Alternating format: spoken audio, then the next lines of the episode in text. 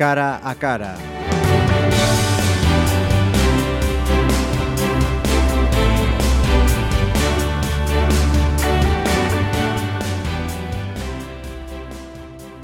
Desde hai xa 24 anos, xullo é o mes do jazz en Pontevedra.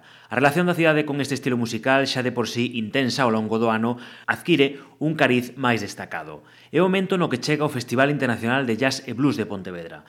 Artistas internacionais que se sempre inéditos en Galicia comparten escenario coa gran canteira de músicos galegos e, como sempre, mantendo un dos seus sinais de identidade, o feito de que todos os concertos son gratuitos.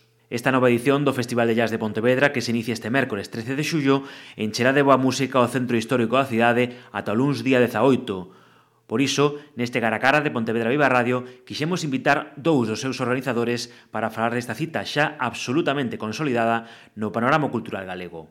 Luis Carballo, Alberto Lastres, benvidos. Grazas. Son xa, como decíamos, 24 anos deste festival. Cando botades a vista atrás, que o que vos ven a cabeza de todo este traballo feito ao longo de todos estes anos? Home, pois eh, boas vivencias eh, e probablemente pois ter o orgullo de, de, de facer que Pontevedra sexa unha, unha cidade de jazz, unha cidade na que se escoita jazz e blues, que tamén unha das, das dos sinais de identidade de, deste festival, non é un festival de, de jazz ou uso, digamos, sino que tamén ten esa, ese, ese apartado especial dedicado todos os anos a, ao blues e isto xa é desde o principio, desde o ano 93 que, que empezamos con, con, con este tema na, na Praza do Teucro. Agora a Praza do Teucro sigue sendo unha da, das, eh, un dos, dos, dos escenarios, pero, pero digamos que a parte internacional pasou a Ferrería xa de, de, de, no ano 2006 e iso fai que que eh, o jazz sexa Pontevedra e Pontevedra sexa, sexa jazz nestas datas. E despois de todo ese tempo é fácil seguir sorprendendo o público ou non, Luis? Eu creo que un pouco que comentaba antes Lastes, Alberto, eh, pois eu creo que sí, o, o público primeiro se sorprende coa continuidade neste tempo de, de un festival destas características, como decíades antes, dun xeito gratuito, ter as, as mellores estrelas de actuais do, do jazz eh, en Estados Unidos, pois aquí e a presenza de esa conversencia que hai cos músicos galegos que siguen crecendo en torno a este festival, un festival que sempre foi a referencia do, do jazz, eh, dos festivais de jazz que había no, en Galiza, en este caso, pois, os, digamos que que os músicos cada vez con, conversen máis con, con esta, esta referencia e, bueno, seguir gozando de, de un festival como, como este. Eu creo que son os, os grandes alicientes e o xeito un pouco de, de crecer, que cada vez o festival vai a máis, cada vez hai, hai máis músicos, eh, cada vez a xente un pouco se dá conta de, de esa gran capitalidade que ten Pontevedra pois un pouco do, do jazz no noroeste da, da Península Ibérica. E precisamente por esa simbiose da que falabas antes, Alberto, sería posible ou este festival noutra cidade que non fora Pontevedra? Sería posible, pero sería distinto eh, hai moitos festivais de, de, de jazz no, no verán, afortunadamente, no, en todo o territorio nacional, eh, pero nos pensamos que Pontevedra ten, un, ten algunhas características especiais. Eh, o feito de que se faga en, en este tipo de prazas, xa nos primeiros anos a Praza do Teuco era eh, unánimemente alabada polos, polos músicos que viñan a, a, a sonoridade que ten, que ten esa praza eh, especial, é eh, prácticamente como estar nunha, nunha sala, pero, pero co coaliciente de, de ser o aire libre.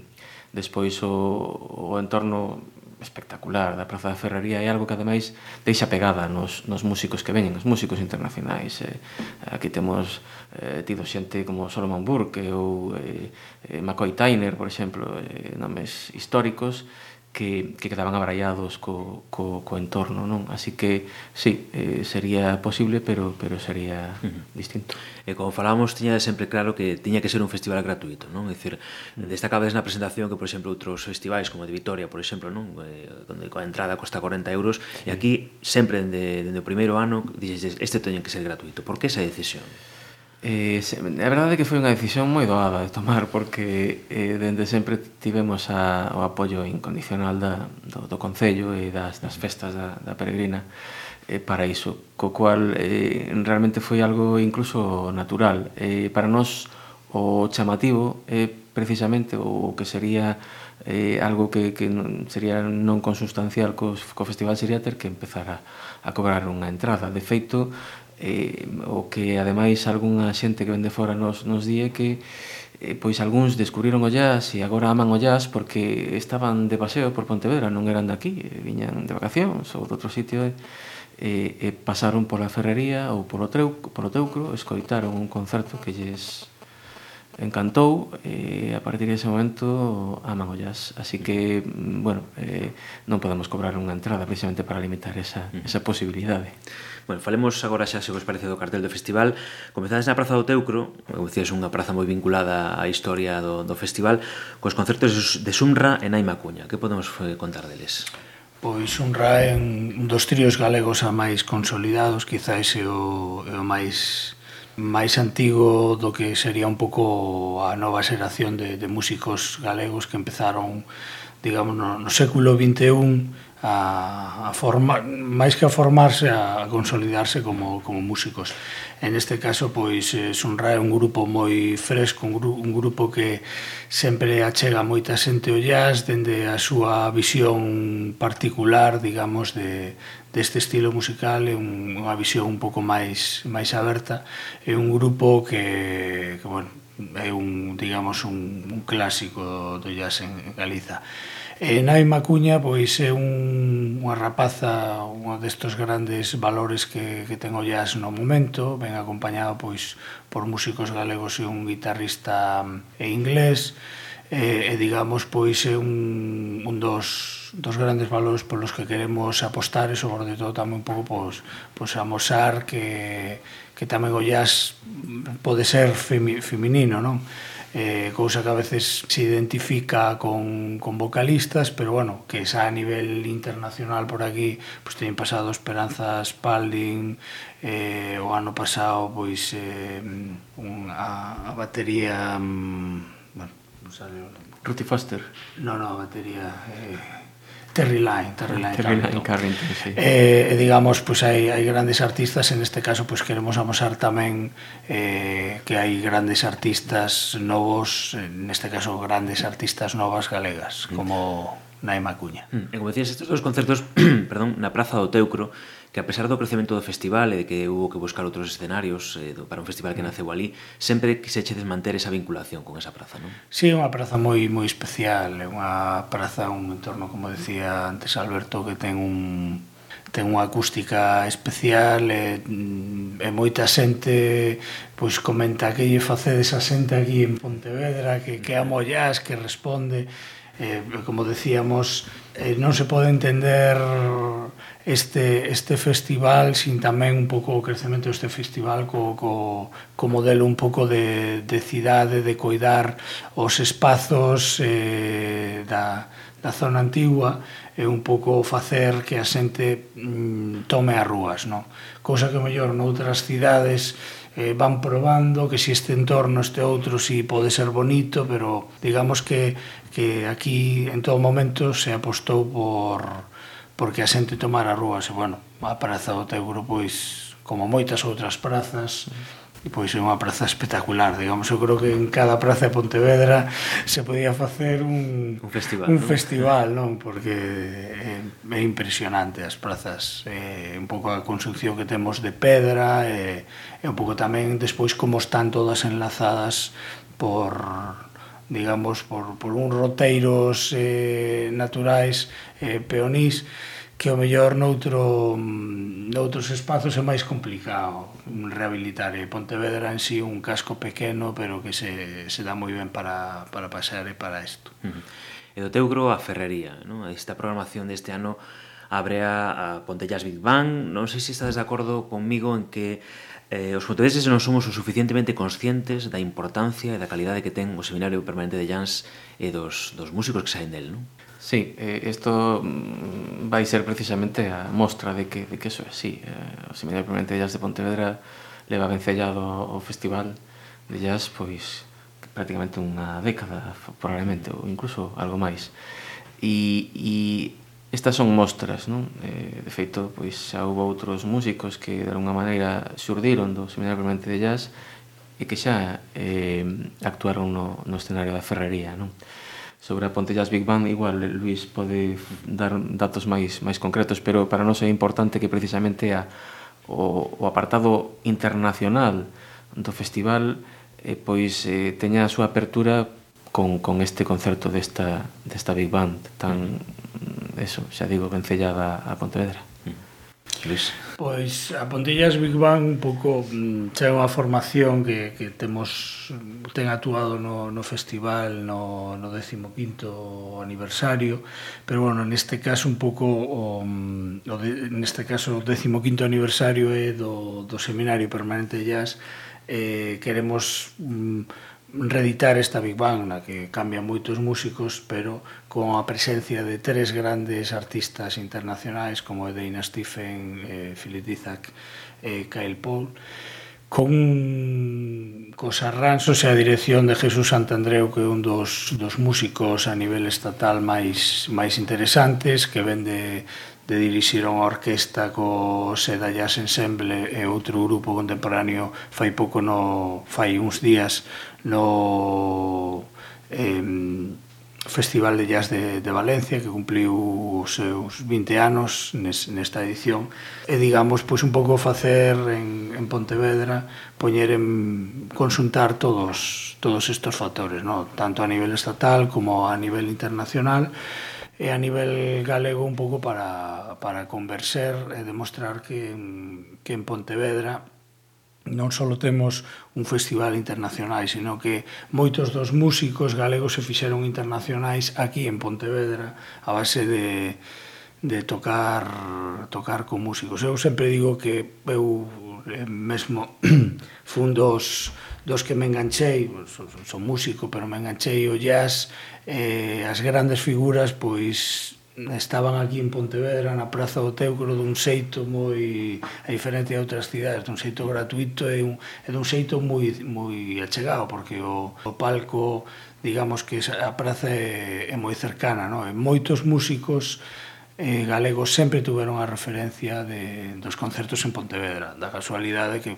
foi crecendo isto tanto que non só os músicos galegos, sino xente a nivel internacional veñen a Pontevedra a, a disfrutar do jazz. Uh -huh. Non sei se precisamente esa tradición que xa ten Pontevedra, a hora de conformar un cartel como do Festival de Jazz, eh, sobre todo pensando nas, nas, estrellas, nas estrelas internacionais, non? É dicir, é vos xa máis doado traelas? É dicir, independentemente de que obviamente hai que axustar as, as datas da xira que non sempre non sempre é fácil, non? Pero bueno, xa xa, xa coñecen Pontevedra, é dicir, a hora de apostar por un por vir a, a España, por exemplo, din, pois pues mira, aquí hai un recorrido que queremos continuar, non? Sí, eh, sen dúbida eh, ten que, que mm, valer para algo precisamente levar pois tanto tempo eh, eh, facendo este, este festival eh, é certo que, que probablemente pois, pois haxa que, que agradecer a eses a esas outras figuras que, que viñeron cando o festival tiña menos zona. Estou pensando, pois, por exemplo, en, en Tete Montoliu, por exemplo, que estivo na terceira edición do festival en, en, no Teucro ou ou Chano Domínguez, por exemplo, eh, a nivel internacional pois Diane Reeves ou, ou María Joao foron eh, figuras que naquel momento apostaron eles por, por, por vir e eh, por, por estar connosco neste, neste festival. Agora, pois, o certo é que estamos no, no, no, no círculo, no circuito de, de, de festivais importantes e, por tanto, eh, para as estrelas, é máis máis doado encaixar as súas datas e eh, poder vir aquí a Pontevedra.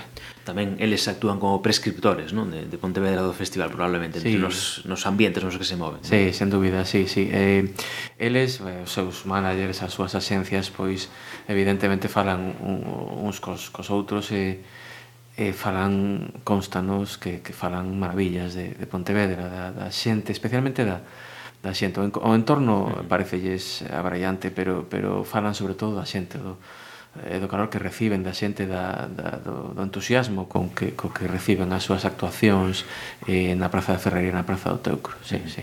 Bueno, este ano para este cartel internacional eh, eh, apostachedes por King Solomon Hicks, unha das estrelas emerxentes do, do blues norteamericano, o batería mexicano Antonio Sánchez, uh -huh. e Cecil McLaurin, non? unha das voces máis destacadas do jazz actual. Sí, por ese orden que, que ti fase, que ademais é orden cronolóxico, digamos, non? Do 16 ao 18 de xullo, e efectivamente King Solomon é a, digamos, o concerto de blues que temos este, este ano é un guitarrista e compositor novo pero xa é moi coñecido en, en Estados Unidos e, e agora queremos que sea tamén coñecido en, en España, evidentemente. É, eh, é un guitarrista que ten sido comparado con George Benson, polo seu xeito de tocar non só blues, tamén rhythm and blues e, e incluso rock ás veces. E, e é, bueno, novo, pero, pero evidentemente é un, un artista con, con caché xa, xa importante. E despois o día seguinte temos efectivamente a Antonio Sánchez, mexicano, é o, o baterista habitual de, de Pat Metheny, de feito eh, pois case que todos os álbums que, que editou eh, Pat Metheny que, que conseguiron Grammys, pois o batería desas grabacións é eh, Antonio Sánchez. Antonio Sánchez é un eh, bueno, é un, un virtuoso da, da batería, é probablemente eh, o mellor batería do jazz que hai neste momento, unha figura absolutamente consagrada. E o último día, o 18, Pois temos probablemente o, o peche de, de ouro, digamos, do, do festival. Temos a Cecil McLaurin Salvan, que é eh, unha cantante de, de jazz, probablemente a, a cantante de jazz que neste momento está eh, pois sendo mellor acollida pola, pola crítica, aínda que ten só dous discos editados en solitario eh, o primeiro no 2014 xa foi nominado aos Grammy e o último, o 2015, obtivo o premio Grammy é unha voz que se compara coa de Eh, Ella Fitzgerald, Fitzgerald ou Bessie Smith, e así que estamos falando de, de, pois, de alguén que vai ser se non é xa, pois probablemente marcará a historia na, na, no jazz vocal. Uh -huh. Aparte sei que é unha das, das apostas que máis vos, vos gusta vos, non? este tempo sí. detrás dela, non? Sí, sí, eh, levamos tempo de, detrás dela e, e, bueno, finalmente este ano conseguimos encaixar as datas precisamente coa súa xira europea, ela vai estar en, eh, no North Sea Jazz Festival de, de Rotterdam ou vai estar, por exemplo, tamén en Montré, en, en Vitoria e encaixou o, o concerto aquí en Pontevedra no, no día 18. Sabemos que que ten especial interese por vir a, a Pontevedra por todo isto que falábamos antes tamén eh, e a verdade é que pensamos que vai ser, vai ser un concerto histórico probablemente. A xente non debe perdelo. Bueno, nin este nin os outros, claro, pero moi especialmente este. Bueno, os concertos son unha, o eixe fundamental deste Festival de Jazz, pero hai máis cousas, hai unhas actividades paralelas eh, moi importantes, eh, como por exemplo as Jam Sessions ou os programas Jazz na Rúa e eh, a Ponte Jazz, eh, o Ponte Jazz Workshop. Tamén falemos, falemos un pouco deles, non?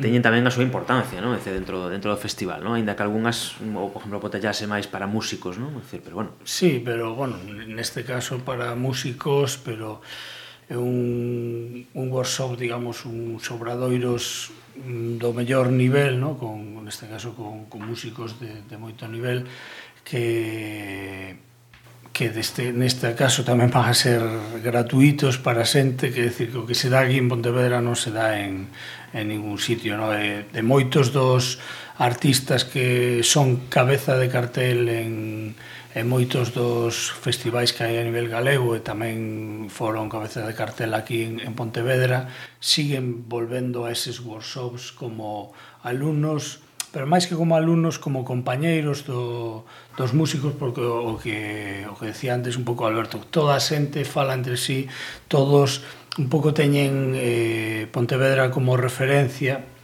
e todos os músicos que, que viñeron aquí sempre recoñecen un pouco o gran nivel e sobre todo ese calor que tanto existe no público como, como nos músicos que respetan o Festival de Pontevedra e outros programadores que, que, bueno, que teñen vido a tocar a, a Pontevedra ou, ou que sempre destacan a boa programación e o bo xeito de, de facer as cousas que o gran segredo do festival o bo xeito de facelo continuadamente non, non nos mm. vale un ano de gloria e despois caer no, no abismo non? Eh, si o Pontellas é un pouco a unha toda esa parte pedagóxica, o Pontellas Workshop. Despois temos música pola rúa, como non destacar as prazas e como non vamos a destacar pois a Pontevedra no seu consunto, tanto a zona peonil, bueno, o sea, últimamente digamos que a todo a todo podes hacer andando. Entonces, a música pola rúa sí que engancha un pouco a xente, dai ambiente ás, ás terrazas e, e dá ese un pouco ese ambiente de festival e de festa, porque non deixa de ser a, unha festa do jazz e, e ter contido dentro das festas, non é algo apartado este festival, é algo que se está esperando e como inicio das festas de, de verano. E despois a, as Jam Session pois, nos acercan a outra das grandes prazas de Pontevedra, como a de Mendel Núñez, pois nos permiten ter música para quen, quen visita Pontevedra ou el mesmo de Pontevedra e ven o festival e quere seguir un pouco pois despois dos concertos con, con ganas de seguir escoitando música, sobre todo un pouco de falar, de, de que exista, digamos que cando xa se está recollendo os concertos, pois eh, esas amizades, eh, digamos, pois eses reencontros pois se tezan un pouco en en torno a, a esta música e, e dun xeito tamén aberto e que, e que fagan, digamos, que o festival dende a mañán co workshop ata, o, como non, o pasarrúas e como se pode decir de outro xeito os, os grandes concertos ata a noite pois resume un pouco jazz a todas horas. Como sempre unha programación intensa e me imagino que moito traballo detrás, non? Para organizarlo todo, para telo todo preparado. Sí, sí, moito traballo, pero traballo feito de moi bo grado en todo caso.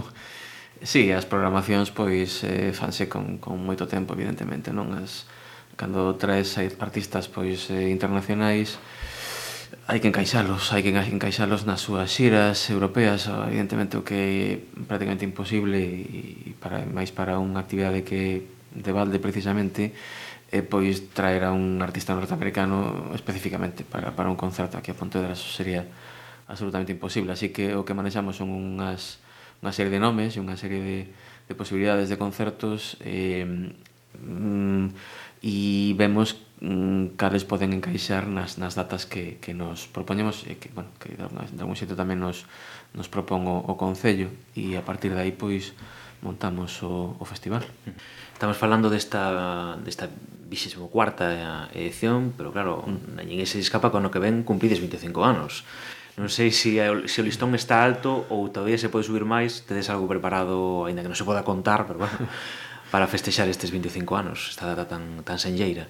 Eh, sí, non se pode contar, pero, pero claro, evidentemente, sí, para nós eh, alcanzar un, pois pues eso, un número de edicións moi, moi significativo e xa temos incluso o compromiso do Concello de, de eh, apoiar incluso máis do que o fai. Xa digo que non temos unha queixa sino todo o contrario eh, pero desde o propio Concello desde a Concellería de, de, de Cultura e tamén en festas eh, están de acordo con nos en que o, a 25ª edición ten que marcar pois probablemente un hito histórico. Así que pois neso estamos.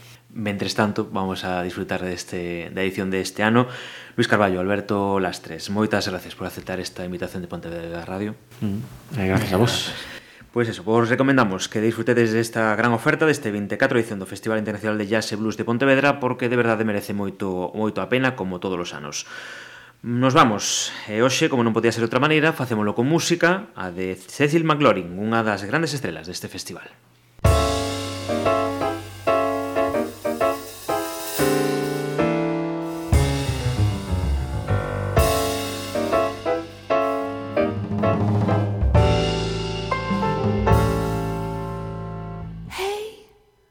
Girl comb your hair, fix your makeup. Soon he will open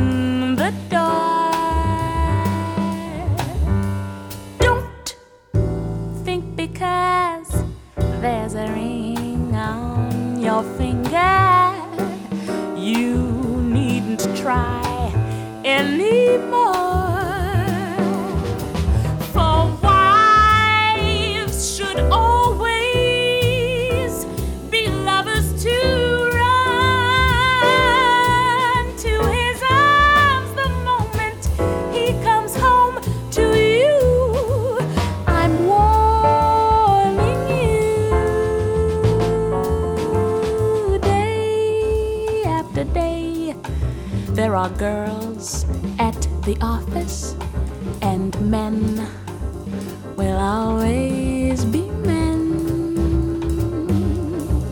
Don't send him off with your hair still in careless. You may not see him again.